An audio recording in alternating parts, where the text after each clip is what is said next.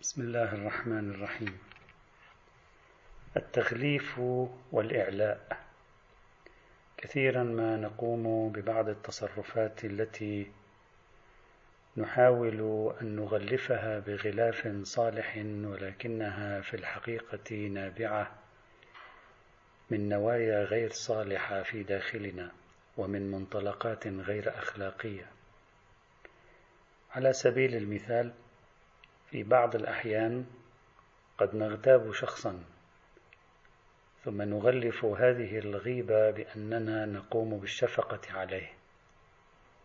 وقد أشار علماء الأخلاق منذ قديم الأيام إلى أن النفس الإنسانية قد تسول للإنسان فتجعله يشعر بأن الغيبة التي هي فعل قبيح وتصرف غير صالح قد نتج عن نوع من الشفقة والمحبة أي إنني أغلف الأمر غير الصالح بشعار أو عنوان أقنع نفسي به أنه صالح.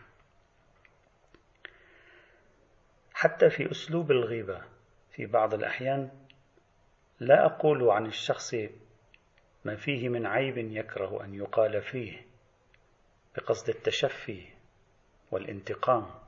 وإنما أبدي أن هذه القضية بقصد الشفقة عليه. أقول مسكين فلان إنه لا يعرف من العلم شيئا. مسكين فلان إنه لا يجيد العمل الفلاني.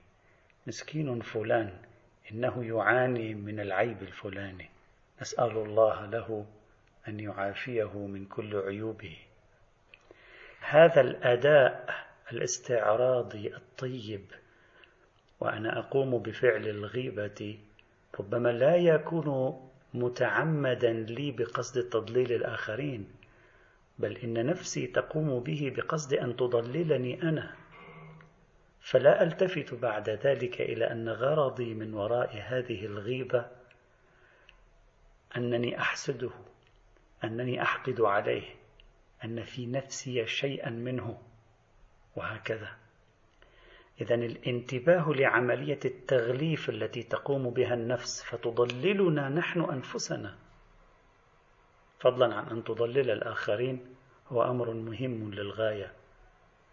مثال آخر قد أحسد شخصا قد أحسد جماعة على ما آتاها الله من فضله فأقوم بنقدها والتشهير بها وتسجيل ملاحظات عليها أشعر نفسي وأشعر محيطي أن الغاية من وراء ذلك هو الدفاع عن الحق أو الدفاع عن الدين أو الدفاع عن العدل وما شابه ذلك.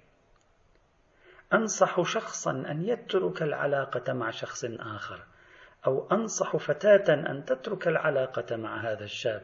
ليس بقصد أنني أريد فعلا من أعماق قلبي الخير لهما بل لأن في نفسي شيء تجاه ذلك الشخص الذي أنصح الشخص الأول بأن يتجنبه أريده أن يخسر علاقاته مع الناس.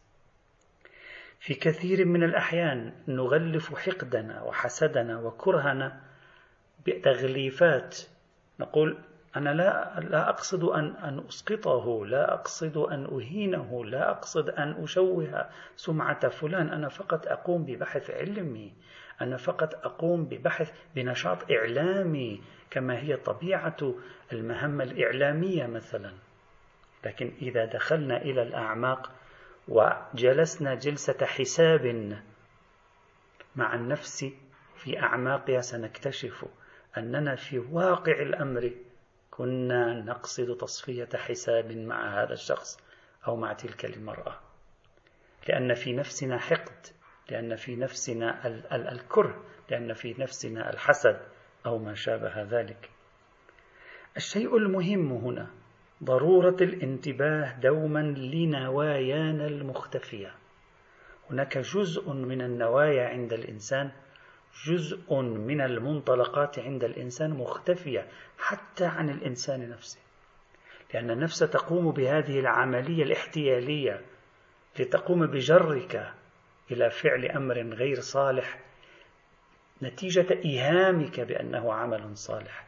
وقد تكلم القرآن الكريم عن فعل إبليس وأن أحد أنشطته التزيين أي أنه يجعل لك الأمر القبيح مزينا فترغب فيه وتنسى البعد غير أو البعد غير الجميل فيه.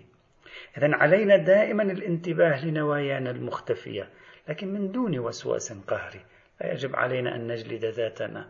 ونعيش الوسواس القهري في أنه هل كانت نيتي كذا أو كانت نيتي كذا.